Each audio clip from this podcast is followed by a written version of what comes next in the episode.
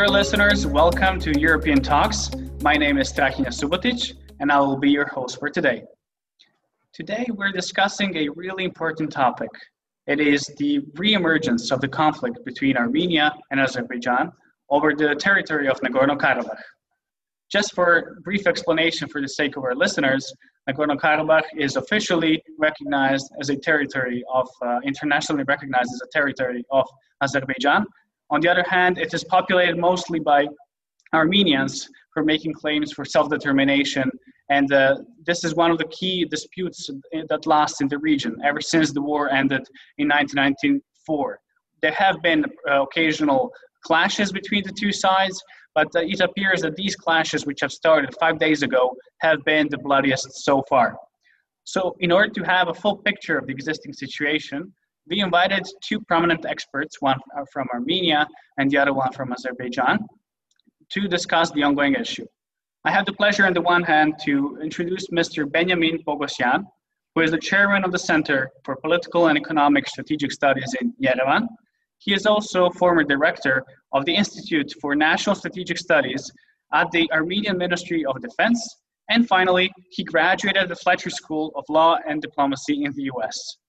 On the other hand, I have pleasure to introduce Mr. Anar Jahangirli, who is currently a consultant in public affairs and communication. He, uh, he is a former diplomat from Azerbaijan with the focus also on Nagorno-Karabakh. And also, finally, he graduated the Harvard Kennedy School of Government. My dear guests, welcome and thank you for being here. Thank you for, thank you for having us. Thank you. It's really my pleasure, and I hope this uh, discussion will be really fruitful. Uh, I would like just to touch upon on the historical background. We don't have too much time. Uh, just for the sake of our listeners, as I mentioned before, the war ended between Armenia and Azerbaijan in 1994. There have been occasional clashes regarding Nagorno-Karabakh and surrounding uh, regions. And to this day, we haven't seen so, such big clashes and uh, bloody uh, casualties uh, in this region. Uh, on the one hand, Armenia claims that it was Baku who started shelling civilians in Nagorno-Karabakh with artillery and air, air forces. On the other hand, our, uh, Baku defends its decision by saying this is only a counter-defensive uh, mechanism as it's only uh, responding to uh, other sides' provocations. So I would like to maybe start with Mr. Uh, Poghosyan. Maybe we can use the first names to make the conversation easier. So Benjamin, I would like to ask you, what's your take on this situation, particularly as both sides are making contradictory claims? Uh, again, thanks for invitation, and I would like to welcome all the listeners for the podcast. So regarding the current situation, on September 27, Azerbaijan launched the attack against Nagorno-Karabakh. Unfortunately, within last four years, this is a second attempt by Azerbaijan to stop the peace negotiations and to seek to solve the problem by the force. We have the large escalation also in April 2016. Of course, this time situation is much harsher because Azerbaijan is uses much more manpower and firepower and arm power than in April 2016. And my understanding is that simply Azerbaijan maybe is frustrated by negotiations, or maybe Azerbaijan thinks that he has uh, advantage on Armenia, on Nagorno-Karabakh Republic, and he's able to solve the problem mm-hmm. by the arms. But definitely all actors involved, except Turkey, all actors involved in this problem OSCE Minsk Group co-chairs, Russia, United States, France, we just uh, three hours ago made a statement. They all stated that this problem can be solved only through the negotiations. No armed solution is possible. And also they called to all parties to stop the hostilities. Mm-hmm. And definitely Armenia is ready to do that. If I can ask you just a follow-up question, why would Azerbaijan be uh, frustrated by negotiations? Uh, my understanding is that uh, they want to come back to the situation of 1988, which is a little bit strange because in 1988 we have the Soviet Union. There is no Soviet Union, but they want to come back to the situation of 1988. This is of course not possible, and they are frustrated. This is my guess that through the negotiations they are not able to force Armenia and Nagorno-Karabakh Republic to come back to the situation of 1988. For the sake of our listeners, what was in 1988? In 1988, Nagorno-Karabakh Autonomous Region was a part of Soviet Azerbaijan. Okay, thank you. Uh, Anar, what's your take on this? Thank you. Thank you for having us. And uh, I'd like to greet everyone listening to your podcast. And uh, it's a very interesting times, and we are in a an uncharted territories, and it's, it's a very tough spot to be at this moment of life, at this moment of history. Um, it, it is very difficult to uh, uh, analyze a, a, complex problem like Nagorno-Karabakh in a, in a, very short period of time. But um, we um, uh, we, sh- we should pr- probably look at the uh, when my colleague from uh, Armenia says about coming back to the situation of 1988. I don't think Azerbaijan wants to come back to uh, to the situation when the USSR existed. Uh, uh, Azerbaijan, uh, just like Armenia, became independent in 1991 and were recognized by the world community within the administrative borders that they had uh, while they were part of the USSR. And uh, Azerbaijan was admitted to the United Nations within those territories, uh, which includes Nagorno Karabakh Autonomous Region and seven adjacent districts, which are uh, not part of, uh, which have never been part of um, Nagorno Karabakh Autonomous Region and where almost no Armenians lived ever. Uh, right now, we are in the situation when the, uh, the, Soviet Union collapsed in 1991. Both countries became independent, and uh, the conflict between them became an international conflict. Mm-hmm. So, Armenia and Azerbaijan engaged in military hostilities against each other, and uh, until uh, uh, the year the 1994, when we agreed on the ceasefire, um, uh, Armenia managed to capture, um, to uh, maintain its, its control over Nagorno-Karabakh and capture seven adjacent districts that we were talking about. Uh, since 1994, we uh, were having negotiations uh, with, with this group. Uh, so the Minsk group comprised of more states than we hear uh, we, we hear the names of. So we mostly hear the names of Russia, the U.S., and uh, France. Uh, so they are the co-chairs of the Minsk group. So they are what they're doing. They're visiting the region. They have been visiting the region. Okay uh, heads of uh, governments for uh, collecting their feedback and coming back with proposals.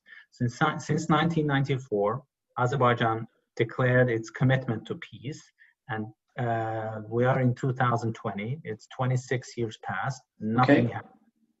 And we are in a situation where Azerbaijan has, still has its uh, territories under occupation and I believe um, there is every uh, Azerbaijan has every right to defend its uh, territorial integrity.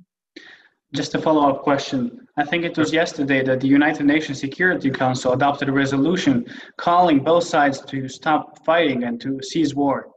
How is it uh, resonating in Baku and among Azerbaijani citizens? Will they accept this resolution? Uh, it resonates very well in Azerbaijan as the uh, four other, other, resolutions of the United Nations Security Council since 1993, where uh, it explicitly mentions Nagorno-Karabakh region of Azerbaijan Republic, um, uh, which confirms uh, uh, the Nagorno-Karabakh being part of Azerbaijan according okay. to international law, and Azerbaijan is committed to United Nations principles and calls for uh, the cessation of hostilities based on the uh, and coming back to the negotiations to solve the conflict based on the principles and norms of international law. So is it ready to stand down as we see that Armenia also uh, is planning to, or is it planning to stand down? Are both sides, what, what does it take for both sides to stand down? I would like to ask you, Anar, really shortly, then Benjamin. Sure, uh, I believe it, uh, uh, it's uh, it's in both sides' interests to come back to negotiation table, uh, and uh, when the time permits and when the parties agree up, on, that, because when you start the, the, when there is a when there is a war, it, it's never easy to stop it. so the, the the parties have to agree on basic principles how to stop it and then move forward.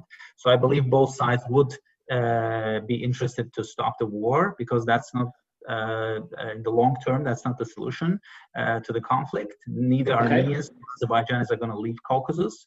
We're going to live side by side but we have to live uh, side by side uh, with the um, with respect uh, to dignity of each other.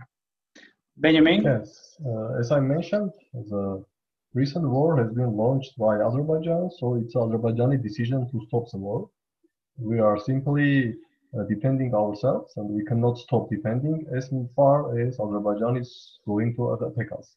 So in this time, a decision should be made by Azerbaijan. If they stop the hostilities, hostilities will be stopped. If they continue the hostilities, Armenian side cannot not to defend. When you say we are defending ourselves, do you mean Armenia as a country or Armenians as a population? As far as I know, uh, Azerbaijan hasn't attacked Ar- Armenia. Uh, when we're, when I'm saying we, I mean Republic of Armenia and also Republic of Nagorno-Karabakh. Uh, as you know, Armenia is officially the guarantor of security of Nagorno-Karabakh Republic. So it's uh, Armenia and Nagorno-Karabakh Republic. And regarding the taking Armenia, unfortunately, yesterday and day before yesterday, they also were direct attacks and bombing of internationally recognized territory of Republic of Armenia. So hostilities are not only against Nagorno-Karabakh Republic, but hostilities are also against Republic of Armenia. Uh, let me just uh, interject here that the uh, please do briefly. Yeah, so that the uh, oper- uh, military operations uh, from the Azerbaijani side is a response to Armenian provocation and to escalate the conflict. And Azerbaijan at this moment sees no other as a way out of the situation other than uh, the withdrawal of Armenian forces from the occupied regions. Uh, and uh, after that, it's possible to stop the hostilities. It is complicated because the two sides continue accusing each other. And there was a, the European Association of Journalists who actually uh, claimed that there is an open information warfare happening in the Caucasus where the two sides continuously blame each other, but also by using fake news. So I do agree it is maybe difficult to conclude who did the first move, but maybe we should make, focus on what can be done in the following period. And my question for Benjamin is, um, the Caucasus has always been uh, on the crossroads between uh, uh, large powers. Uh, on the north, we have Russia. On the south, uh, we have Iran. On the west, we have uh, Turkey. So my question to you is, does peace depend on these foreign powers, major powers in the, in the region? And uh, if you can particularly tell us more about uh, Russia's involvement with Armenia and its support, because so far we've seen that Russia is trying to balance the interests between the two sides. But it is interesting to see how Russia will play its card, considering that Armenia is not only a member of the Eurasian Economic Union, but it is also a member of the Collective Security Treaty Organization led by Russia. So please let us know what's your take on this. Well, first of all, of course, external actors, um, especially Russia, of course, has their role in peace protests. But I do not agree that everything depends on them because Armenia, Nagorno-Karabakh Republic, and Azerbaijan, they have their agencies. And of course, also peace depends on them. I do not agree that everything depends on external actors, mm-hmm. and Armenia, Azerbaijan, and Nagorno-Karabakh Republic has nothing to do here. Regarding Russia's position in this conflict, yes, you mentioned that Armenia is a strategic ally of Russia. We have Russian military base deployed in Armenia, and uh, Armenia is a member of Collective Security Treaty Organization and Eurasian Economic Union. But also, Russia is interested to have its influence in all South Caucasus because Russia views South Caucasus as a part of former Soviet space, which Russia admits or perceives it as a part of its, it's not a zone of sphere of influence or zone of influence, but at least Russia believes that this is a zone of its privileged interests. So Russia wants to have influence in all other South Caucasus, Mm-hmm. and definitely Azerbaijan also is a significant state in the South Caucasus. Yes, and if you take into account the current hostilities, Russia seeks to keep a balance. We see the uh, conversations between the Russian foreign minister with his Azerbaijan and Armenian counterparts, and also Russia is actively calling for cease of hostilities. And as I mentioned, we just a few hours ago have a joint statement by President of Minsk Group co-chair countries, Russia, France, and the United States. But my understanding is that also Russia is not interested in the growing role of, growing role of Turkey in South Caucasus. Okay. But we see that especially in recent escalation, Turkey is fully involved here, both with Turkish military, with Turkish instructors, and also we just hear official statements from France President Macron and also from Russian Foreign Ministry that Turkey sent hundreds, if not thousands, mercenaries from Syria and Libya to the conflict zone. So my understanding is that Mhm. Russia is definitely not interested in growing role of Turkey here. But yes, also he seeks to keep a balance because he wants to have influence in all South Caucasus and not only in Armenia. But my understanding is that if Turkey's involvement in the conflict will grow, uh, if Turkey or Azerbaijan will directly attack, I'm speaking about large-scale attacks, Okay. not like uh, bombardments which we saw yesterday or the day before yesterday. If there will be direct military large-scale attack either by Azerbaijan or by Turkey against Armenia, definitely Russia will implement its security guarantees, both bilateral and also multilateral within collective security treaty organization. Thank you. As you mentioned Turkey, we can see that not always Tur- uh, Russian and Turkish interests are compatible. So, Anar, what's your take on this? Do you think they're on the opposite sides in this conflict, or can can the bridge be built between these two sides and maybe avoid any proxy wars in the region?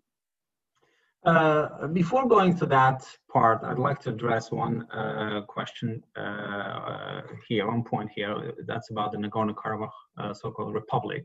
Uh, it really reminds me the, the toddlers calling the imaginary friends when they don't exist, but they think that they do exist, but everyone else knows that they are they don't.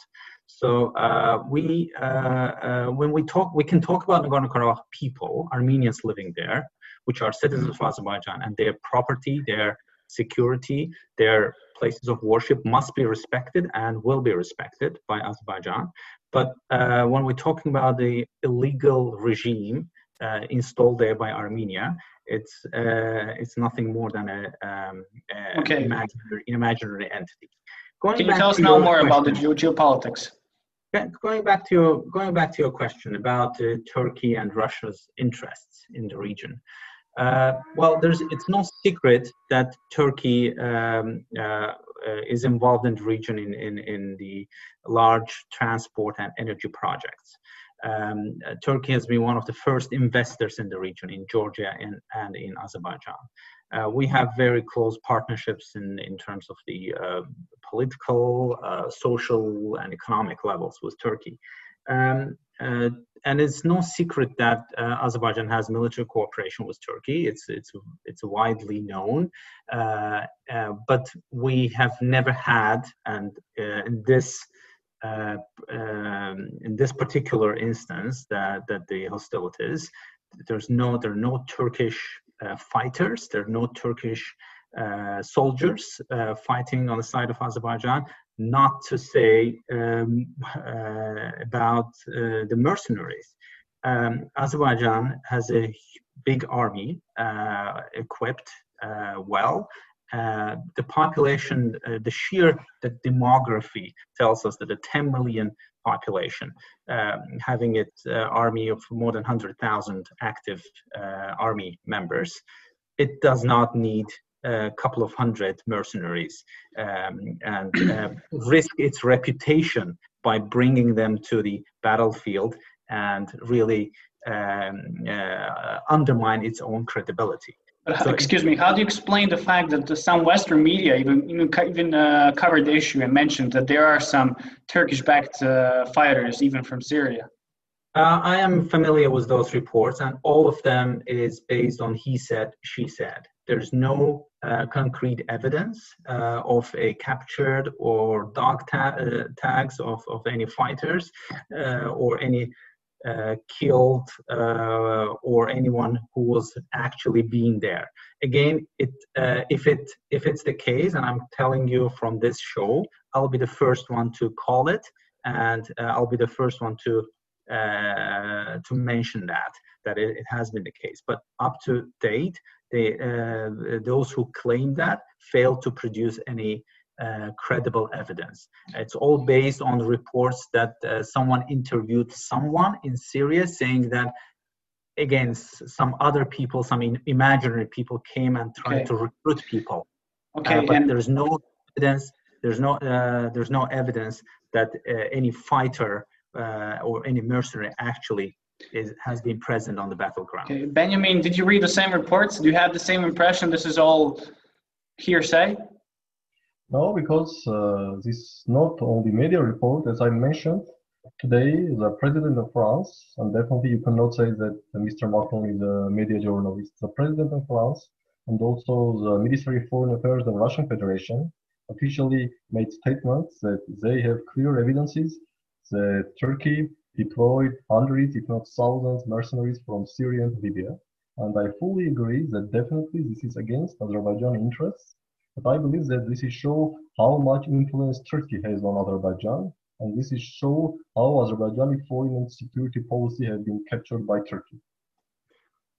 But as you mentioned now, Turkey, uh, as far as I know, the Armenian and Turkish border is closed, right? Armenia, Turkey closed its borders with Armenia in 1993 and still border is closed. But uh, how, how, how, is, how are Erdogan's statements, for example, of support towards uh, uh, Baku perceived in Yerevan? Do they see, see it as a security threat? And what are the expectations over there?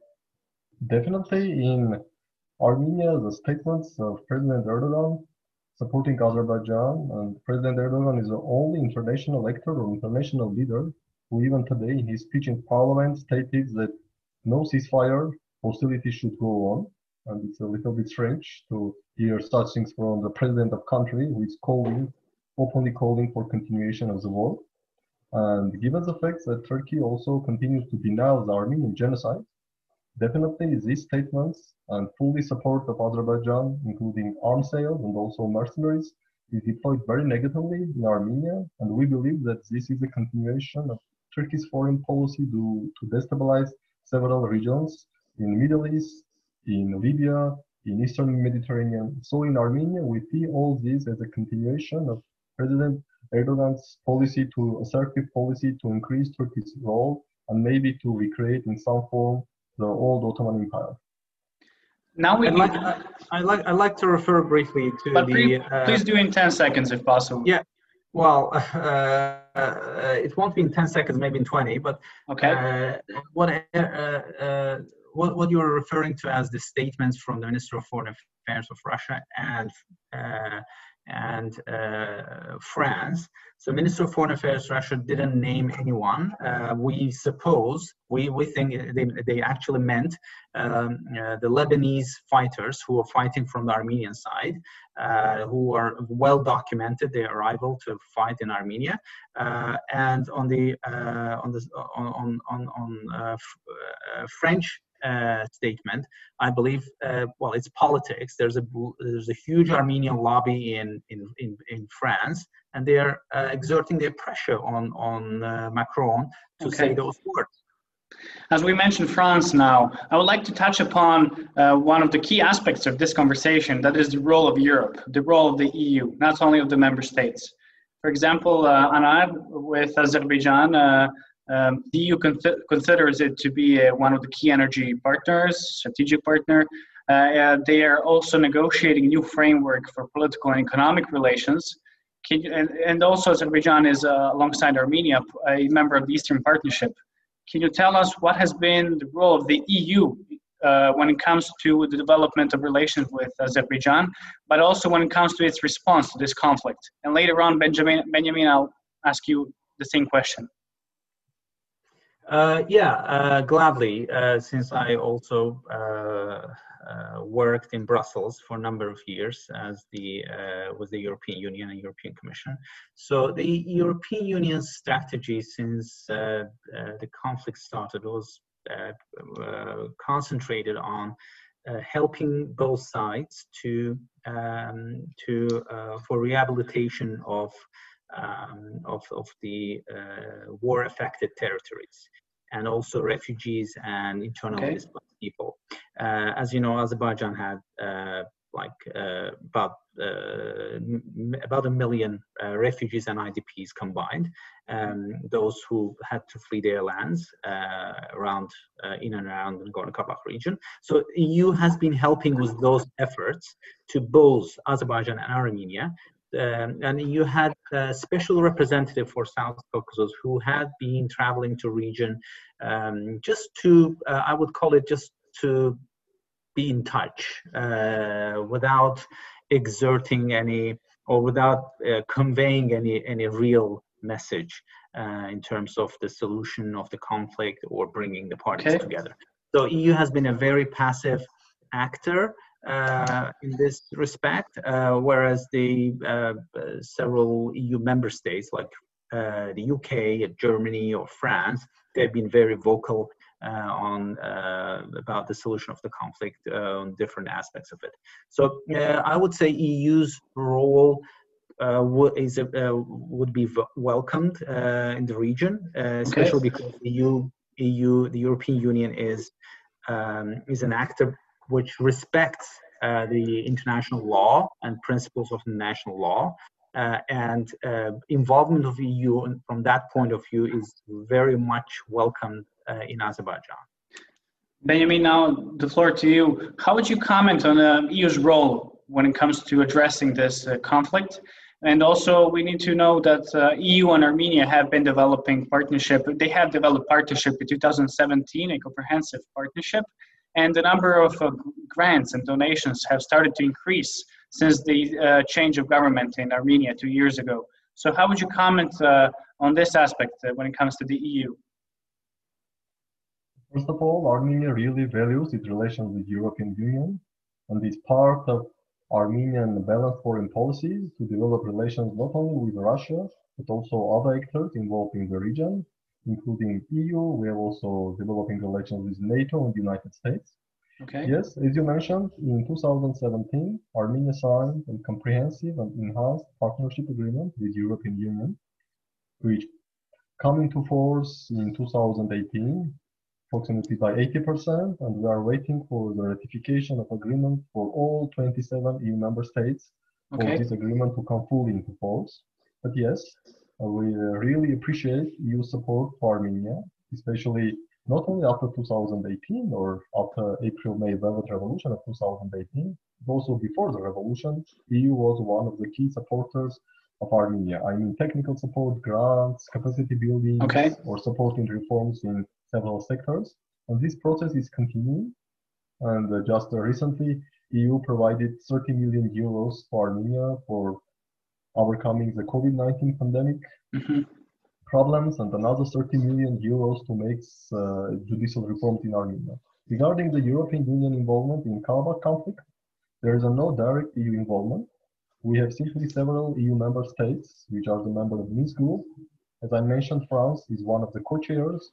Germany also is a member of this Minsk group along with other EU member states. But EU as an organization is not directly involved here and EU uh, mainly supports the efforts of Minsk Group co-chairs. But the key here is that EU also strongly believes that there is no military solution to this conflict, that the conflict should be solved through negotiations. Definitely, negotiations is a difficult thing, but it's much more better to have the war than another war and then another war. So EU position is clear, and this position is welcomed by Armenia that no military solution is possible and conflict should be solved through negotiations. Okay, thank you very much. That, uh, we'll continue discussion. Just, just uh, let me just uh, wrap up a little bit. We're running out of time. Just last question. uh, for both of you. Anar, we can start with you. We did uh, touch upon the role of the EU. It has been developing partnerships in the Caucasus region and has inv- made investments, grants, and uh, loans. But I would like to maybe look forward. How can we maybe make, uh, what, if you had a chance to talk to European officials, what would be your advice? What sh- should the EU do to maybe become a more active player and uh, what can it do? Can it contribute? Is there a European solution to, to this issue, not only to de escalate the conflict, but also to find a sustainable and long term peace agreement?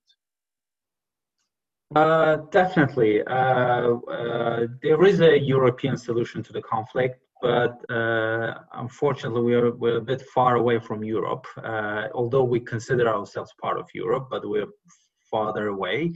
Uh, so uh, well i wish our energy and our time would spent on bringing innovation science and technology okay. to the region and uh, and bring prosperity to the people of the region and uh, the eu would has definitely that potential to do that but uh, again um, it, it, will, it, it will be possible only after this uh, final solution of the conflict which will uh, to to uh, it doesn't have to be uh, the to the advantage of one or another, but it has okay. to be a mutually accepted agreement by both sides. So um, uh, for us, it means I will say it in very short statement. For Azerbaijan, it means Azerbaijan's territorial integrity was very high uh, level of autonomy for Armenians of Karabakh guaranteed by by the uh, by the European Union and by the world powers, so that they enjoy their uh, their their language, their their uh, they enjoy their rights to uh, um, uh, cultural rights and political rights within that territory. But it has to be within the territorial integrity of Azerbaijan. Benjamin, your take? Do you think uh, the EU has a role to play in the future? Just a very small remark for uh, Nagorno-Karabakh Republic Armenians, it's very difficult to believe that they can live in peace and prosperity under the jurisdiction of Azerbaijan, given that just now Azerbaijan is shelling the villages and cities of Nagorno-Karabakh uh, Republic starting from September 27, and another war has been waged in April 2016. So it's really very, very difficult for them to believe this. Regarding what can EU do, my understanding is that first of all, EU should support the modernization process of all three republics in South Caucasus, especially in Armenia and Azerbaijan. I mean modernization, capacity building, and by doing this, my understanding is that in long-term perspective, European Union could bring also peace to this region or make the peace more tangible and touchable in this region by supporting modernization, by supporting reforms, and by bringing uh, rule of law and good governance to all three republics of South Caucasus. Um, thank you. I mean, the issues you mentioned and the role that EU can play. Uh, I can, if I can touch upon maybe my region, the Western Balkans. We also always say that the EU is actually welcomed and that its role in terms of scientific development, innovations, uh, investment, it, it can be really beneficial. And uh, we also here think that the EU can play a bigger role, and we as civil society always uh, make calls and make recommendations for the EU. But I would also maybe like, like to touch upon the Western Balkans and um, Caucasus parallels just to end this conversation, this podcast. Uh, I have many friends uh, both in Armenia and in Azerbaijan, and of course, I talk to them about uh, this conflict on the one hand, uh, some of my Azerbaijani friends tell me that uh, Serbia should maybe focus more on the principle of territorial integrity, as it has issue uh, to re- retain Kosovo as part of its uh, uh, territorial integrity. On the other hand, some of my Armenian friends tell me that Serbia should maybe focus more on the principle of uh, self-determination, particularly as there are Serbs or even Croats in Bosnia who are actually vocal about it. So my question for both of you is, as we in Balkans know how politics can be complicated, and we know that the principle of territorial integrity and the principle of self-determination are both um, sometimes uh, hard to reconcile. do you think do you think that these principles can be reconciled? And do you see something this way any parallels for the balkans and the and the caucasus region? The final so final floor goes to anar then to benjamin well it's a, probably a never-ending discussion but i mean we uh, we believe uh, it is possible to reconcile those uh, principles especially because uh, given the fact that the uh, in international law, the term uh, self-determination um, is has been they started to use that term more in the in the context of decolonization. Um, and that is what it meant to become a free from colonies, from the uh, Western colonies. And uh, nowadays, when we talk about uh, self-determination, uh, it, it, it, in at certain uh, in certain instances at certain instances that can that principle is used and can be used but it cannot go beyond it cannot go uh, contradict to territorial integrity principle. And uh, when we're talking about the self-determination we have to look at the lawful execution of that right. Not just uh, saying that okay i'm independent and i uh, uh, I, I, I uh, voted for my independence without the people who live, uh, some of the people who lived in that territory. Well, I'm talking about the Azerbaijanis of Nagorno-Karabakh, who did, who was not, who were not part of that decision of Nagorno-Karabakh region to become independent, and that right was executed illegally, uh, given the constitution of the USSR uh, if we can uh, enter to, into that discussion, I'm, I'm, I'm happy to uh, to uh, to share more. But I uh, but but I believe um, it, as my, Benjamin rightly mentioned, um, we have that question of trust in each other. when I say when I sincerely believe that we can coexist together, but um, uh, Benjamin he says that he uh, they have some uh, preoccupation, some uh, um, uh, doubts about the sincerity that we're uh, we're offering them autonomy to the Armenians of Nagorno-Karabakh, and it goes the other way around when we say that we're committed to peace talks and they say they're committed to peace talks and then we start negotiating for 26 years we don't see any result then how can we have that trust on the other party's uh, sincerity and uh, the the nobleness of it, of its intentions? So okay, maybe uh, that's that's where Europe can come in and maybe try to reconcile these issues. Do you have the same view, Benjamin? What's your take on uh, this? And is it possible to reconcile? I'm asking you both from the perspective of the Balkans, uh, uh, but also Caucasus as well. first of all, I believe that there are no one-size-fits-all solutions. So okay. I don't think that it's a right to mix all conflicts in post, not even post-Soviet Eurasia, but post-socialist Eurasia, like uh, situation in Balkans, Abkhazia, South Ossetia, Nagorno-Karabakh Republic. It's not a right way to mix all in uh, one thing and try to find uh, one solution or one size fits all solution. Each conflict uh, has its history, each conflict has its peculiarities, and also each conflict has its peculiarities within international and also within Soviet Union law. I uh, definitely can argue that the independence of Nagorno-Karabakh Republic, which by the way was declared in September 1991, before dissolution of the Soviet Union, it was done fully in compliance with Soviet Union laws and also in compliance with international laws. But definitely I understand that if we go into the legal debates we will need maybe for another one hour podcast minimum to uh, present our arguments.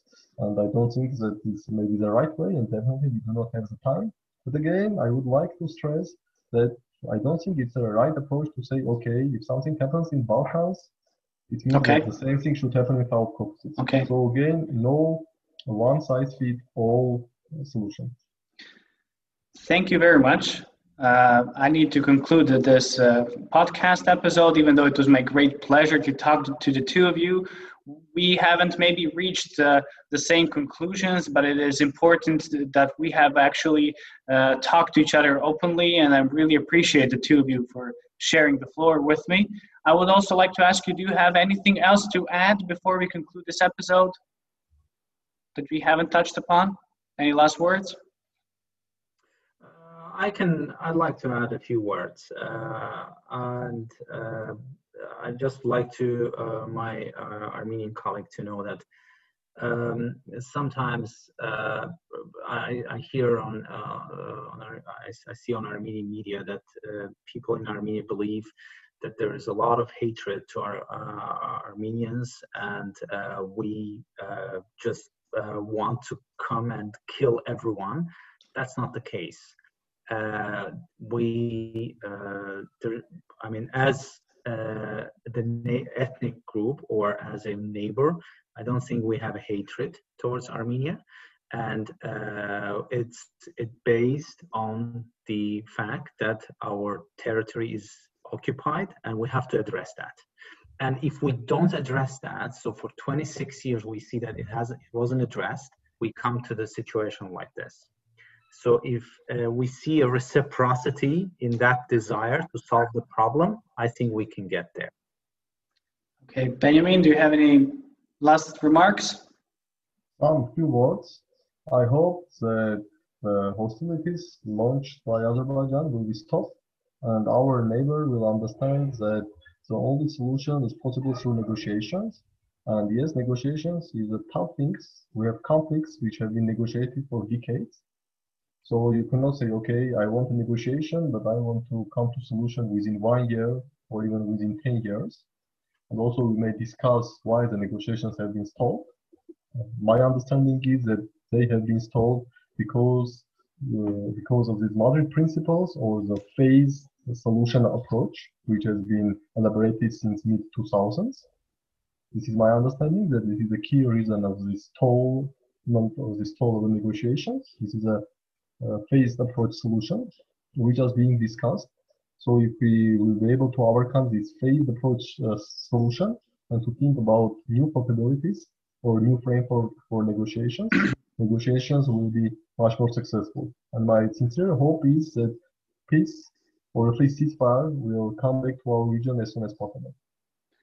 Okay, I do think it's really important that we're ending this podcast with a positive note, and that is that we all think that there the conflict should be over as soon as possible. So, with this message, uh, I thank you once again. I thank also listeners for tuning in, and I really hope that we'll all stay in touch and stay in, stay in touch with uh, future podcast episodes from the European Policy Center. Thank you, and best regards.